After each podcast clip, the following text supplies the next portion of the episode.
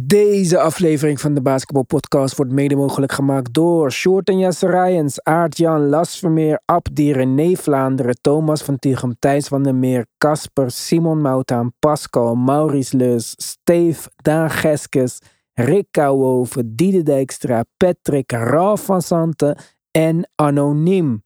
Speciale shout-out naar onze GOATs. Robert Huiltjes, Yannick Tjongajong, Wesley Lenting, Robert Lutte, Tarun en Yannick, Samet Kasic en Myron. We zijn op Apple Podcast, we zijn op Spotify, maar we zijn ook op Petje Af. Als je meer wilt dan onze gebruikelijke podcast, als je toegang wilt tot de groupchats, tot Tim Talk, tot onze Petje Af podcast, als je de podcast wilt supporten in het algemeen, als je DBP wilt helpen groeien, ga dan naar de basketbalpodcast.nl en kies voor luister op Petje Af. Join the family, support the movement. Let's go.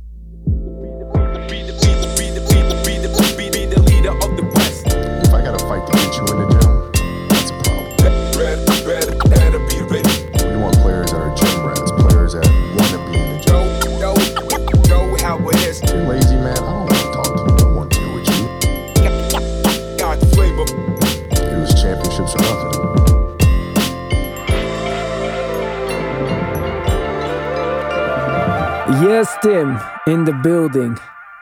Voor het eerst zien wij elkaar in beeld. Voor de mensen thuis nog niet heel spannend. Maar er komen spannende dingen aan. En daar hebben wij heel erg veel zin in. We gaan het vandaag hier over basketbal hebben. Het nieuws is slow en slow en slower. We zitten echt in die iedereen wil even vakantie. Inclusief de mensen die normaal gesproken alle roddels voor ons verzinnen. Maar er kwam weer eventjes iemand met de Brink-trak eh, ja, op zijn oprit, hoe moet je zeggen?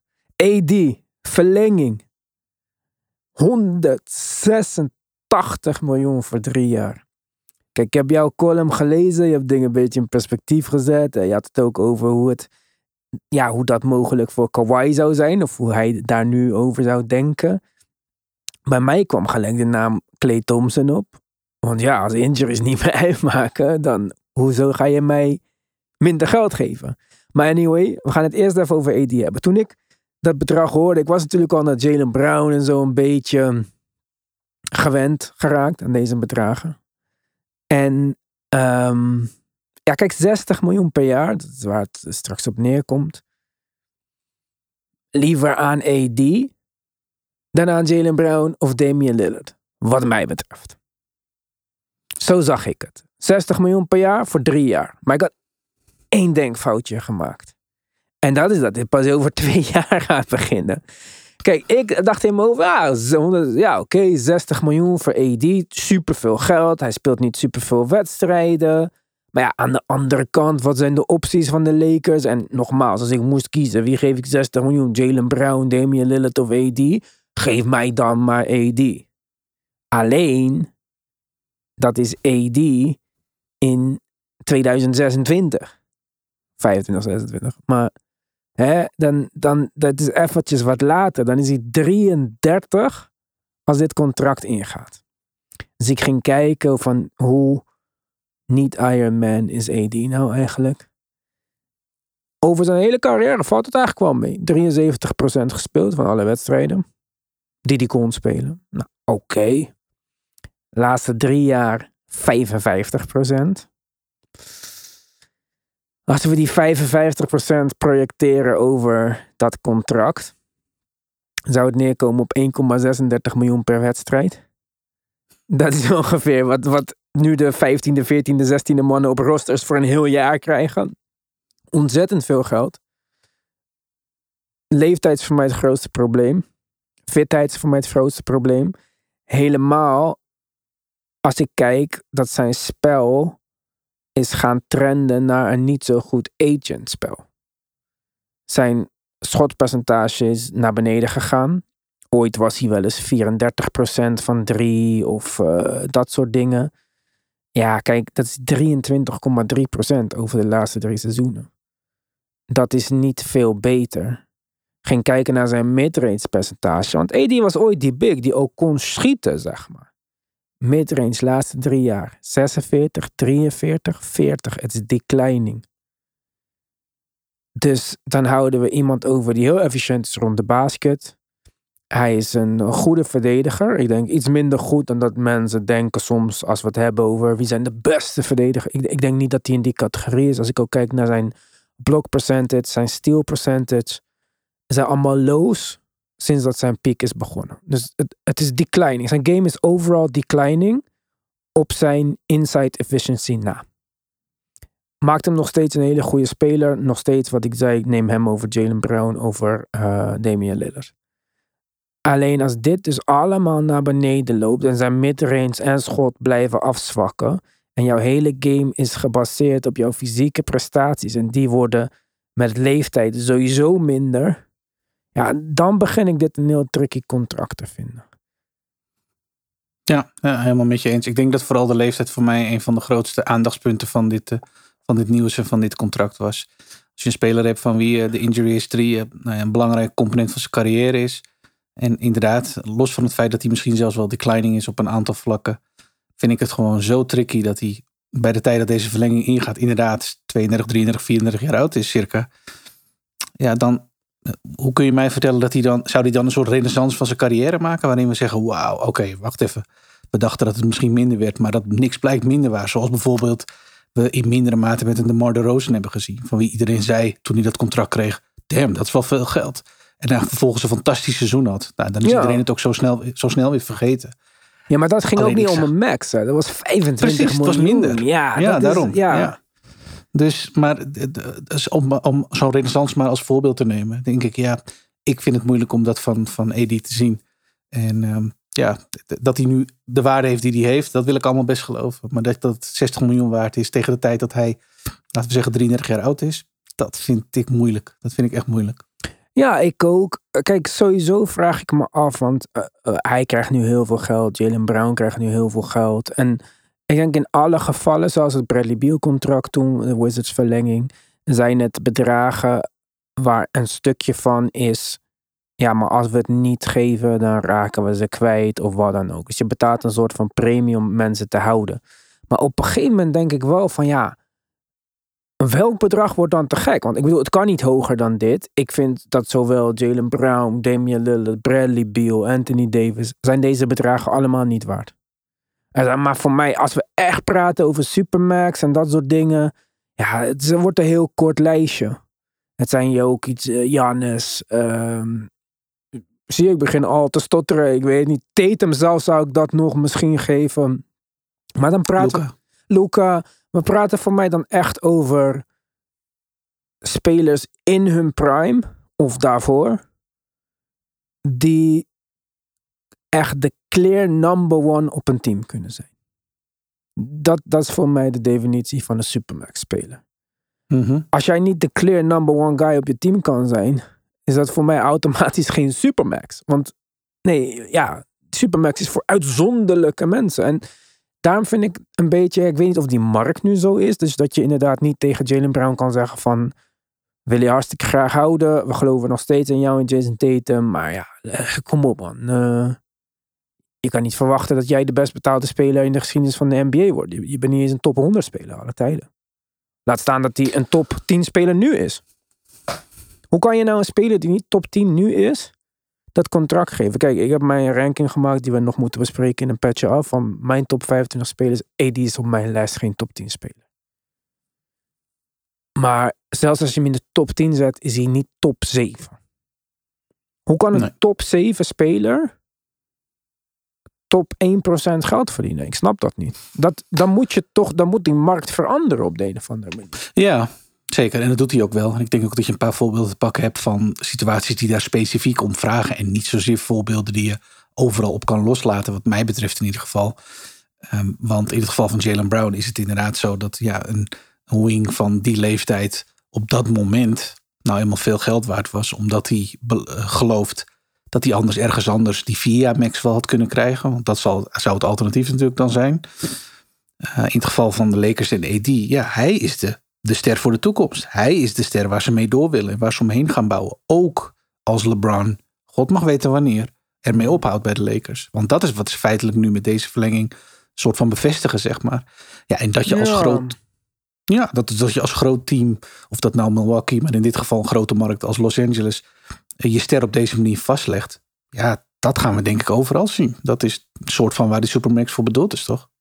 Ja, kijk, en eh, wat je zegt, als, als dat de planning is van LA, als zij nog steeds geloven dat hij. Kijk, ik denk niet dat hij de number one guy op een team kan zijn.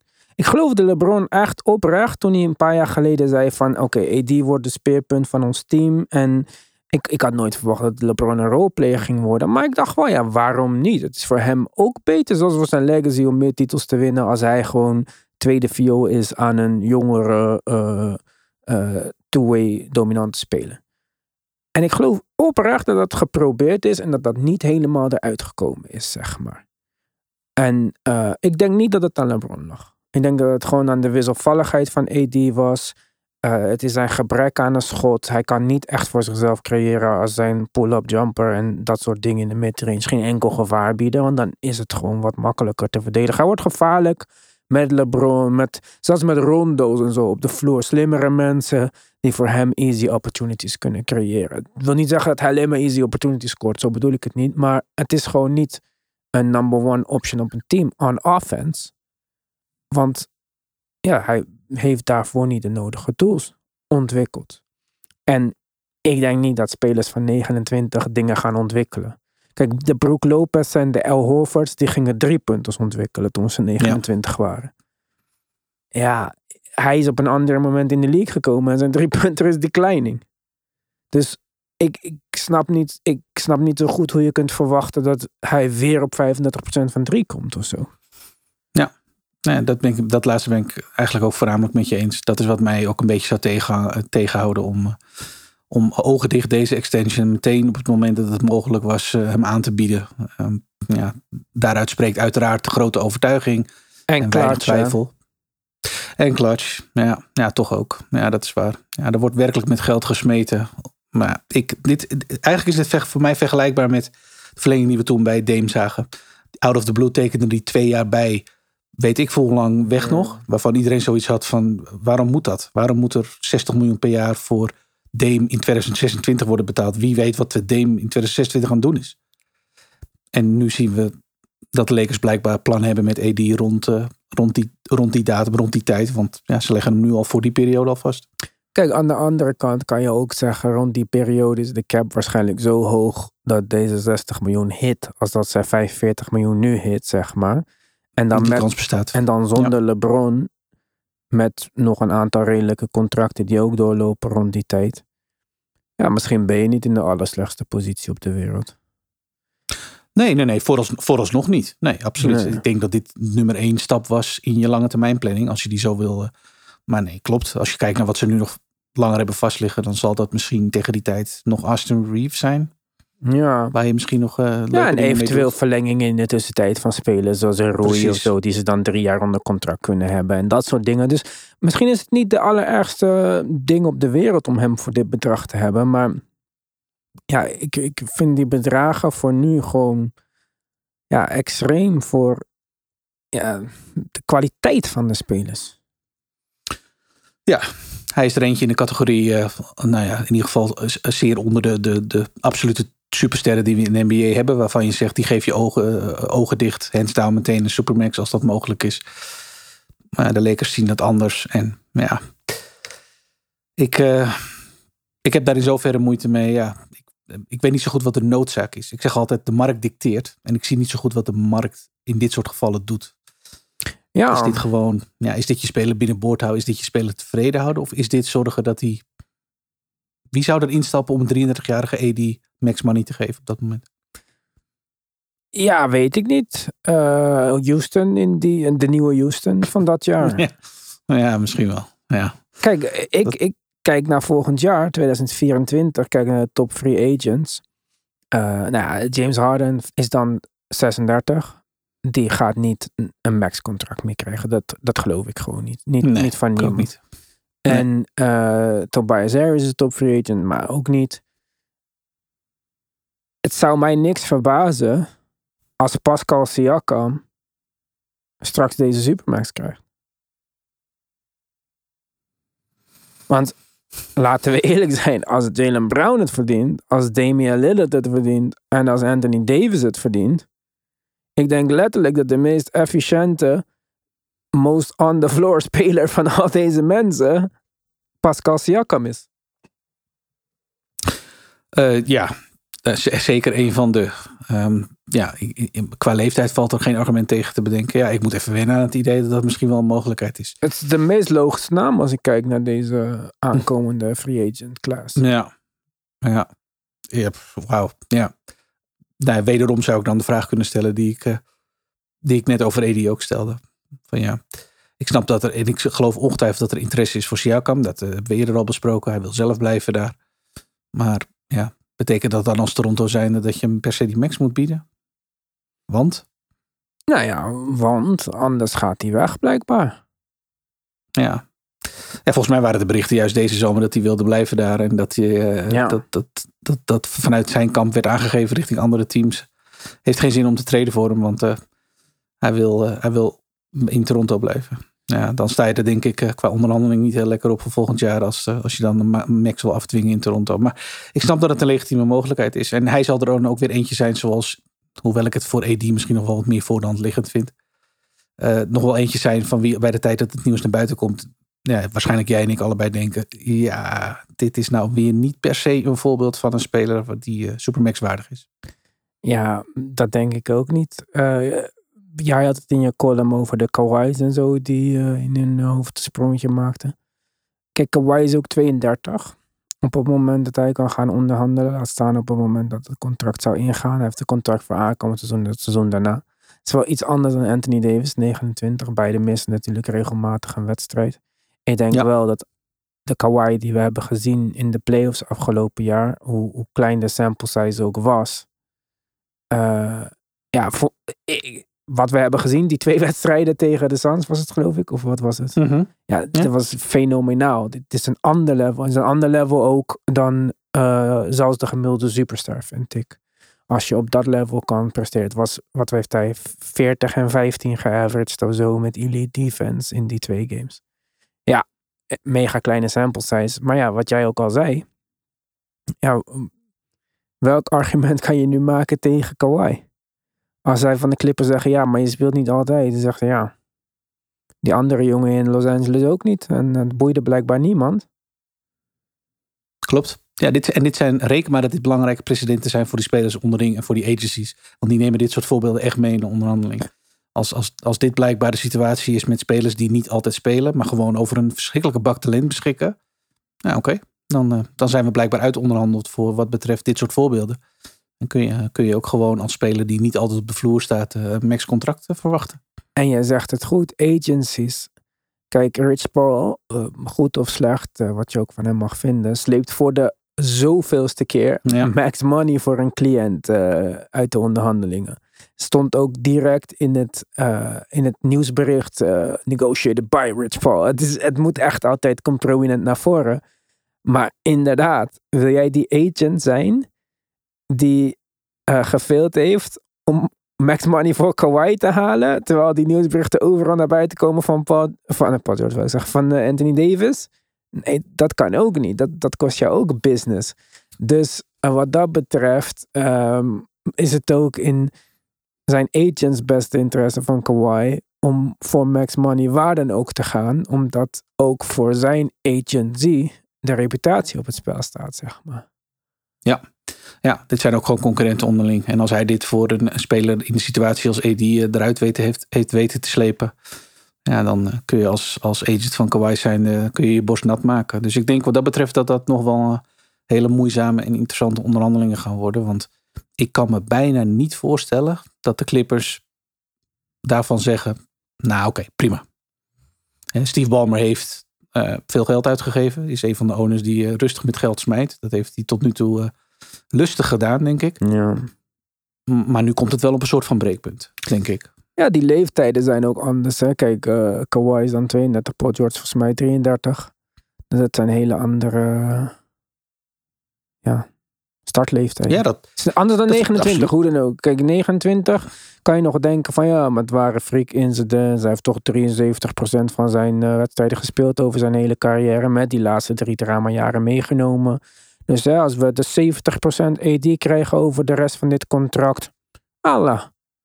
Maar ja, als, eh, ga je nou Kawhi vijf jaar Ja, sorry, ik zou het echt, eh, ik kan dat niet eens bevatten, man. nee, nee, daar- da- daarom. En ehm, ja, gaat hij dan net zo makkelijk daar vertrekken? Want ik denk dat Kawhi ook weer een voorbeeld is van een speler die, eh, nou ja, toch graag speelt waar hij speelt. Als je kijkt naar locatie. Ja, hij Dus wou ja. wel gewoon in LA spelen altijd. hè. Ja. Het is dat de, dat, de Spurs hem nog naar een tussenstop hebben gestuurd. Maar anders was hij rechtstreeks naar LA gegaan. natuurlijk. Toronto wist dat hij waarschijnlijk daar niet ging verlengen. Het was gewoon een soort van alles of niks poging. Ja. Ja, ja. Dus, ehm, dus er is voor hem, en dat, ik bedoel, dat is bekend. Dus ik denk dat de meeste, dat dat, dat, dat denk ik ook wel een rol gaat spelen in de onderhandeling. Nou ja, goed. En waar kom je dan op uit? Dat hij water bij de wijn doet en daar blijft? Of dat hij zegt van ja, dit wordt een lowball offer. Ik ga hoe dan ook voor de max. En eh, dan maar ergens anders heen. Ik, ik, ben, ik ben heel benieuwd. Misschien is dit de setup, toch? LeBron stopt, Kawhi gaat naar de Lakers. Zo, Ja, dat zou wat zijn hè? ja het, is, het is niet ondenkbaar. Die, die timelines matchen. Als Kawhi zegt, ik speel mijn contract uit. Ja, dan is het eh, over Ja. nog twee jaar te gaan. Ja. Dat zou wel grappig zijn. Ja, niet voor de Ja, zou wel Ralf zit niet van, wat de fuck zeg je allemaal? Maar eh, ja. Maar ja, dat is dus eh, Anthony Davis. Die gaat een eh, minimum contract krijgen. Maar dan per wedstrijd in plaats van per jaar. Niet te geloven. Niet te geloven. Ja. Hey, eh, Team USA. World Cup komt eraan. Jij zat volgens mij al wat wedstrijdjes te kijken, oefenwedstrijden. Ik zag een Ja. mooie Luca-actie, die heb ik ook op onze Instagram gezet natuurlijk.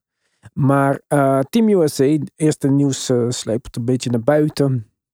Begon natuurlijk spectaculair, want eh, dat was ook het enige spectaculaire wat we deze hele week hebben gehoord misschien. Maar eh, Team Select heeft het NBA eh, World Cup team verslagen. Of het Amerikaanse World Cup team.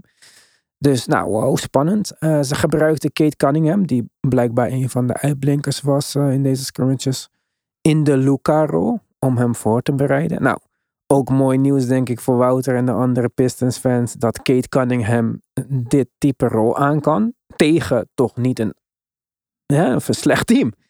Lijkt me ook Ja, niet. dus dat is denk ik heel positief nieuws.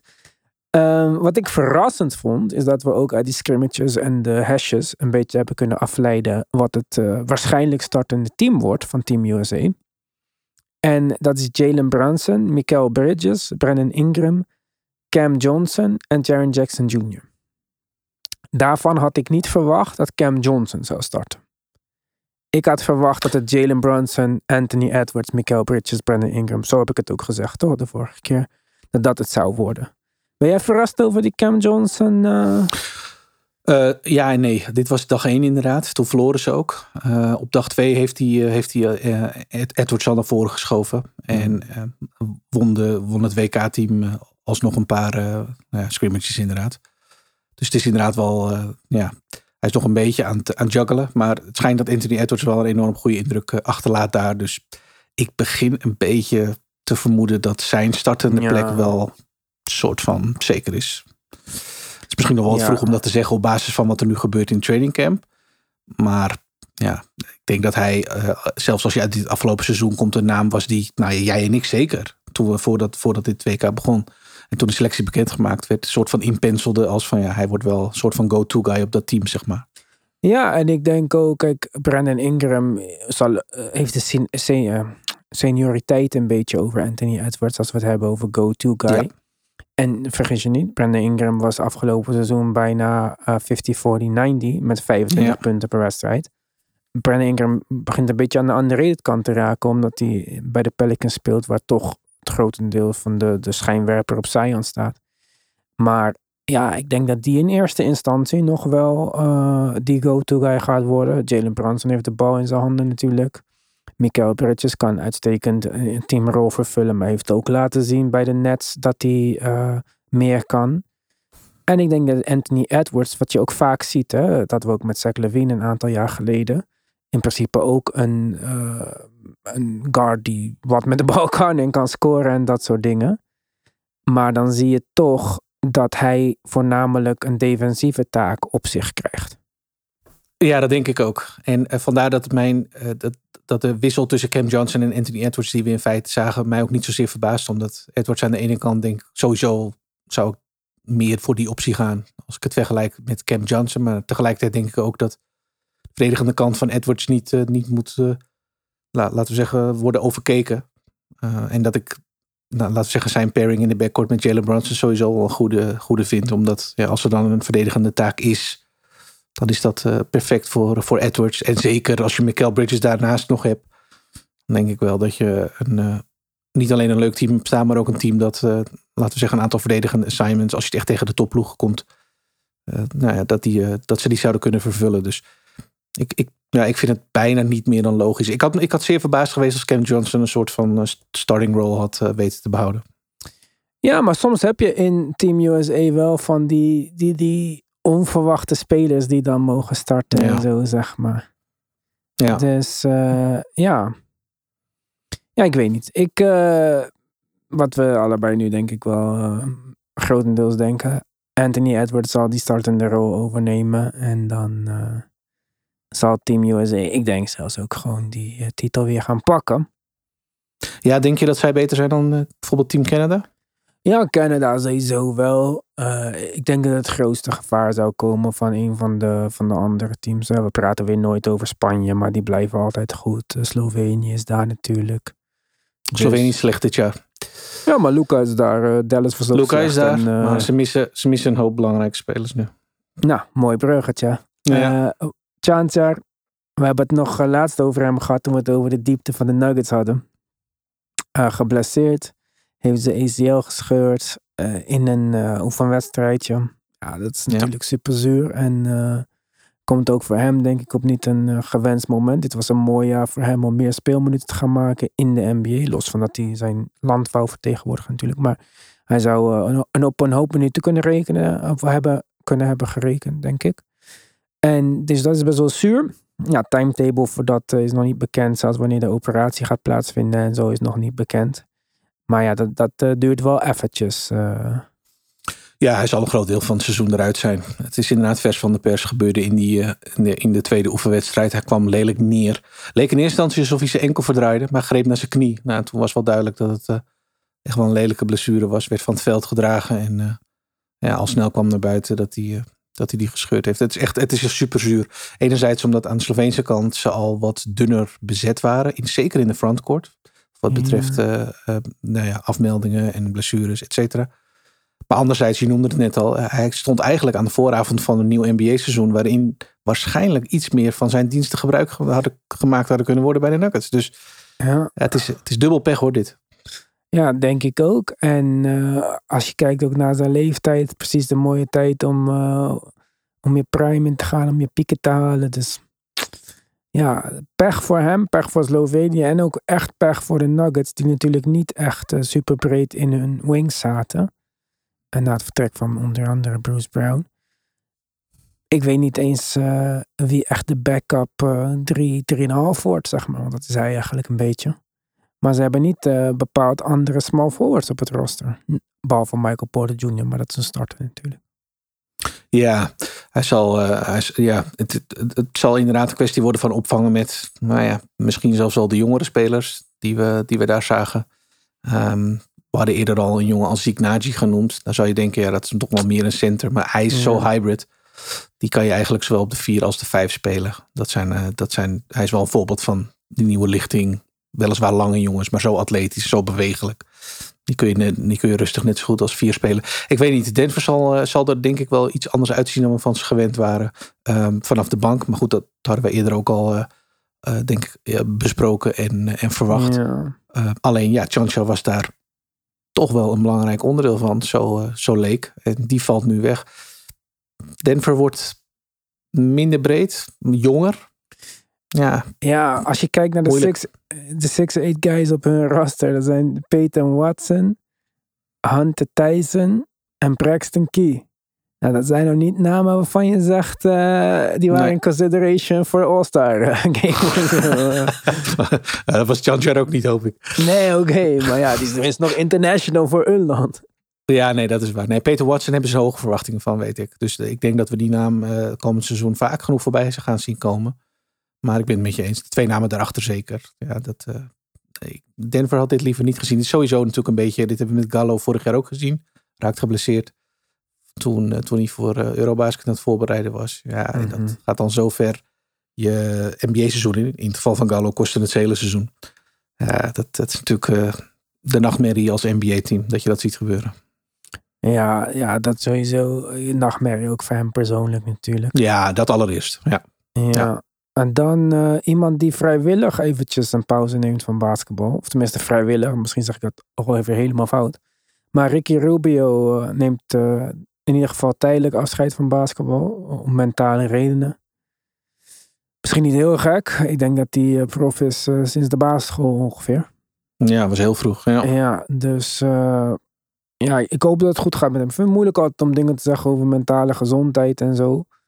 En uh, als het voor hem een moment is dat hij aan de bel moet gaan trekken, ja, dan, dan moet hij dat uh, zeker doen, denk ik. Ja, ik vind het altijd knap als je, dat, als je dat kan. En als je op die manier gewoon naar buiten kan treden door te zeggen: Ik neem nu even deze beslissing. Het leek, uh, het, het, het is zoverre verrast het natuurlijk dat hij was nog niet op het punt aanbeland dat hij überhaupt al zou stoppen met basketbal. Um, speelde weliswaar in, in, nou ja, in alle redelijkheid is een nadagen van zijn carrière. Maar we hadden toch met z'n allen denk nog wel verwacht dat hij er, laten we zeggen in ieder geval komend seizoen nog wel in de NBA zou rondlopen. Nee, ik had wel langer verwacht hoor. Nou, hij had wel eerder aangegeven al dat hij terug naar huis wilde op een gegeven moment. Dat hij niet heel oud zou worden in de NBA, zeg maar. Maar okay. uh, ja, dat hij echt nu al meteen stopt met basketbal. Dat was wel, het zijn altijd wel even schrikmomenten, omdat ze enigszins verrassen. Maar voor hem denk ik alleen maar, ja, ik, vind, ik vind het heel knap als je dat gewoon, uh, die knoop kan doorhakken en, en op die manier ook gewoon je kwetsbaar kan opstellen in je communicatie. Als je naar buiten vertelt van ja, ik, ik ben gewoon niet in orde. Ja, en uh, volgens mij was hij ook bij Team Spanje, toch? Voordat hij, toen hij met het nieuws kwam. Hij slaat dus ook gewoon de World Cup over in ieder geval. Mm -hmm. Ja, dus uh, hij was ook dus thuis toen hij dat besluit nam. Ja. Ja. ja. Het is, uh, ja, het is goed. Het is, ik, tenminste, ik hoop dat het goed voor hem is. Laten we daarvan uitgaan. Ja, sowieso. Ik hoop dat, dat hij zich gewoon beter voelt. En ja, dus dat eigenlijk. Ja. Mark Jackson, ook ontslagen bij ESPN, heeft wel een mooie nieuwe overgekregen. Heb je het gezien? Nee. Hij heeft een uh, contract aangeboden gekregen voor 1 miljoen uh, dollar. Goed, je hebt wel gezien. Ja, van uh, Cam Soda. Dat is een adult webcam site. En die zouden graag willen dat hij ehm, daar commentaar komt geven voor hun. Play-by-play. voor hun content. Ja, kijk, hij heeft natuurlijk een catchphrase. Die uh, uitermate geschikt is voor dit soort werk. Hè? ja, dat Ook bij deze, in deze categorie kan die roepen: Mama, there goes that man. Dus. Uh, ja, zeker ja. weten. ja. Hij hoeft niet zonder werk te zitten, dus als hij niet wil. Nee, zeker niet. Ik denk dat we hem uh, sowieso wel terug gaan zien. Ik zag Jeff Van Gundy trouwens bij Team USA voorbij komen. Volgens mij is die er head of scouting gemaakt. Mm. Dus uh, heeft, nog wel, heeft al snel weer een rol te pakken. Nee, Mark Jackson, ja, bijzondere, bijzondere gang van zaken. Ik, ik, dit is typisch Amerika. Dat die na, laten we zeggen, de grote ontslagronde, waar we uiteraard al eerder over gesproken hebben, gewoon los een telefoontje ontving, daags dus daarna, met de mededeling, ja, sorry, jij bent ook, uh, we laten jou ook gaan. Out of the blue. Met, ja, ik vind het nog steeds bijzonder dat het kan allemaal. Dat je gewoon maar ja. mensen kan ontslaan en daarna alsnog opnieuw. Kijk, als je zegt, ja, ik moet mensen ontslaan, want we moeten geld besparen. Allah.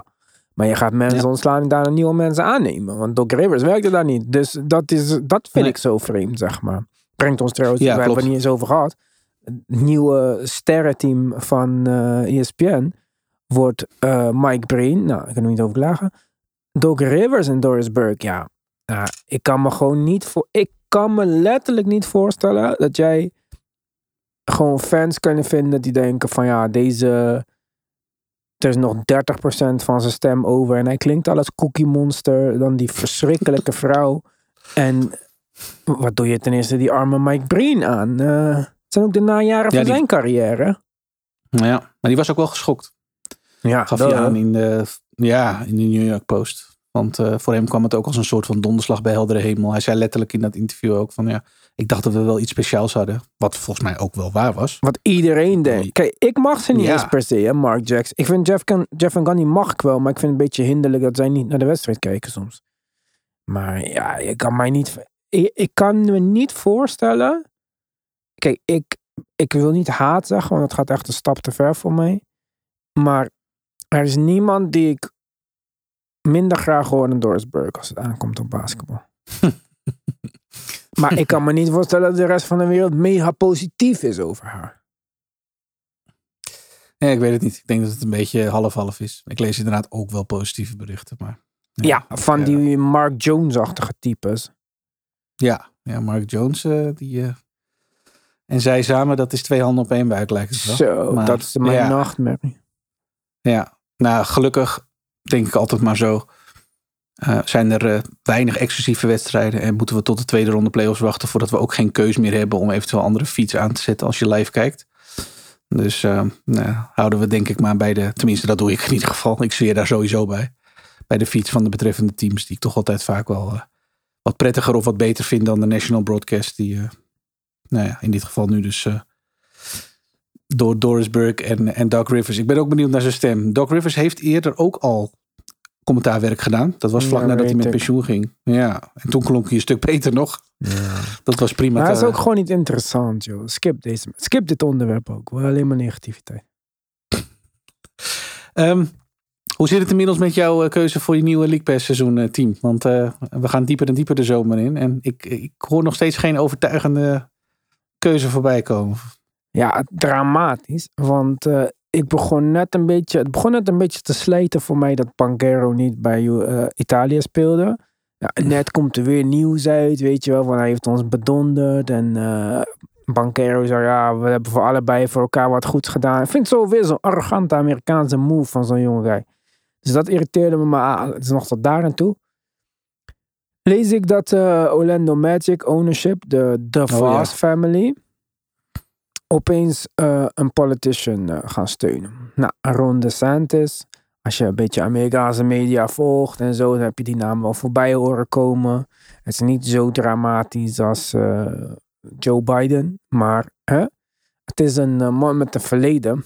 Een van de dingen die hij in het verleden heeft gezegd, is, dit heb ik van Larry Nance trouwens, die dat tot de aandacht van de mensen bracht Ja, is dat een team met een overwegend black roster, een black head coach en een black GM het een goed idee vonden om een, iemand te steunen die dus recentelijk heeft gezegd dat slavernij ook ehm, ja, voordelen had voor de slaven.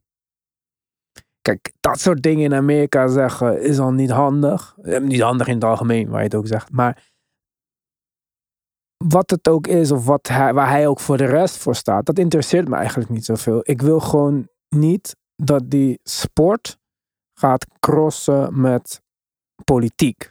Ja, en exact. ik snap ook niet zo goed waarom dat moet. Als we teruggaan naar het begin van de sport.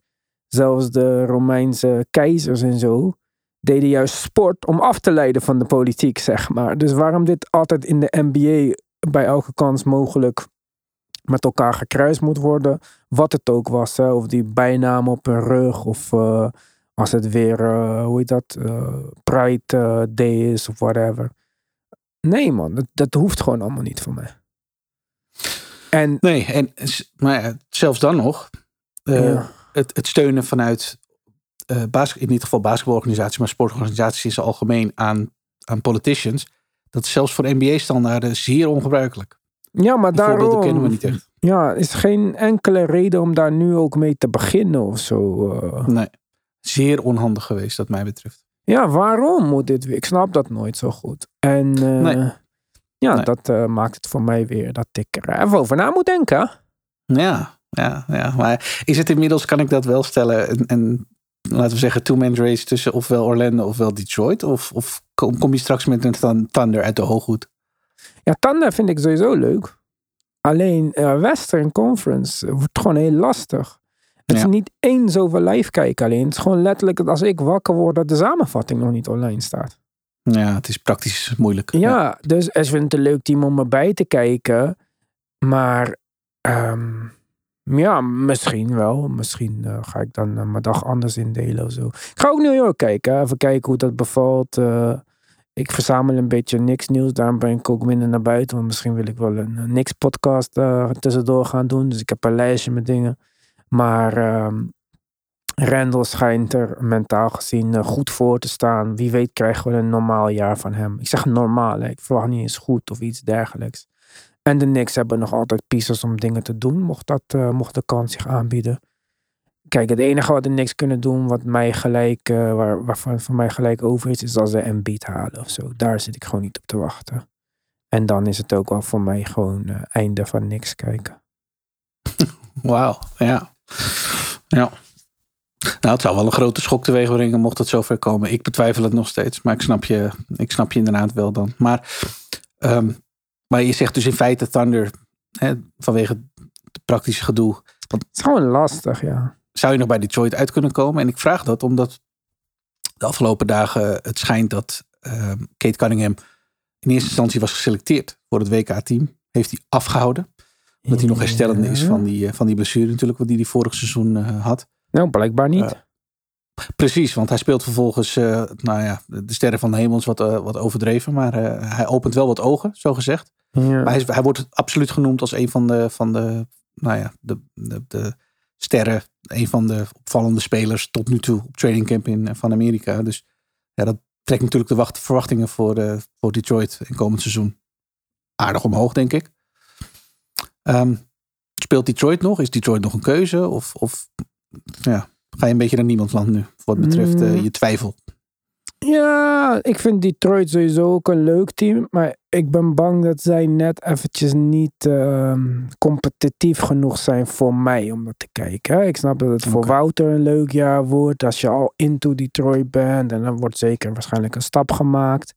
Maar ik denk dat dat nog net even allemaal een beetje te slordig gaat zijn. Dat, ik denk dat de Orlando Magic echt in de beste positie waren als je het hebt over jong team en upside. En waarschijnlijk ergens een beetje rond de play-in sowieso. En dan heeft het nog zin om het te gaan kijken. Maar ja, wat ik je zei, ik weet niet man. Die politieke dingen zo erbij. En ook gewoon... Dat moet je gewoon niet doen man. Nee, helemaal met je eens. Ja. Hou dat gewoon. Ja. En Kijk, dat mensen in hun privéleven, maar ga niet clubgeld gebruiken om als bedrijf een, polit een politician te steunen, zeg maar. Ik, vind zo, ik weet niet, ik vind dat zo raar, man. Ik snap niet waarom je opeens die move zou maken. Ik, ik, ik, ik kan het ook niet verklaren. Waar, waarom is de noodzaak om, en dan worden de records van, van die, die vanuit die digitaal zijn, worden erbij gehaald, waarbij je gewoon de naam van de Orlando Magic ziet staan. En dan denk ik altijd, ja, waarom, waarom moet dat? Zelfs als je dat zou willen. Er zijn voorbeelden van owners in de NBA die die um, politieke kopstukken steunen. Want dat is uiteraard gebruikelijk in Amerika. Maar dat zijn dan verder soort van persoonlijke privé-investeringen die je verder Ja, niet met de club, denk, toch? Nee, die moet je dan op, op, op die titel ook maar gewoon doen als je dat zo, zo nodig vindt. Waarom denkt er iemand van we moeten hier de naam Orlando Magic aan vasthangen? Dat, dat snap ik niet. Ja, dat snap ik ook niet inderdaad. Dus ja, dat uh, heeft wel een beetje voor mij... Uh, ja, twijfels weer uh, gezaaid. Ja. Ja. Dus, ja, dus dat, Tim. Het is lastig, Moeilijk. een nieuw, een nieuw team zoeken. Luxe problemen. Ja, zeker. Uh, wij waren er vorige week met een leuke podcast, denk ik, over 2021 redraft op Petje Af. Vond ik ook wel lastig. Dan zie je toch, ook al was het best wel een goed draftjaar, dat toch rond de pick 20 begin het wel echt op te houden met de contributors. Dus dat is wel goed. was ook een goede oefening voor mij om te doen. Om te kijken van in hoeverre hebben zo'n hebben draft picks ook zin, zeg maar, weet je wel. En uh, deze week hebben we ook uh, weer een leuke podcast op Petje Af. We gaan natuurlijk ook weer nieuwe dingen opnemen. Daarvoor kun je altijd ideeën insturen. Mits je natuurlijk een van de inspraakpakketten hebt, om het maar zo te noemen. Om lid te worden van onze Petje Af kun je gaan naar de basketbalpodcast.nl en kiezen voor luisteren op Petje Af. We zijn dus bezig ondertussen met leuke dingen. Met uh, dingen die wij nu al zien, maar jullie nog niet. Maar eventjes geduld, het komt er allemaal aan. Het ziet er goed uit tot nu toe. Uh, het is uh, voor ons altijd lastig om moves te maken. Met, ja, niet om zielig te doen, maar de beperkte middelen hier zo. we zitten niet in een dikke tv-studio of zo. Dus eh, het, eh, het wordt leuk, het wordt spannend. En blijf vooral onze eh, sociale kanalen in de gaten houden, denk ik ook. Het is leuk, ik zie jullie de laatste tijd ook vaak eh, reageren op Instagram en zo. Vind ik echt leuk. Dan eh, kan ik ook een beetje zien wat, eh, wat mensen nou allemaal denken. Ook als je het niet eens bent met ons natuurlijk. Wat ook natuurlijk heel goed kan. We zitten in de zomer, maar wij blijven gewoon doorgaan.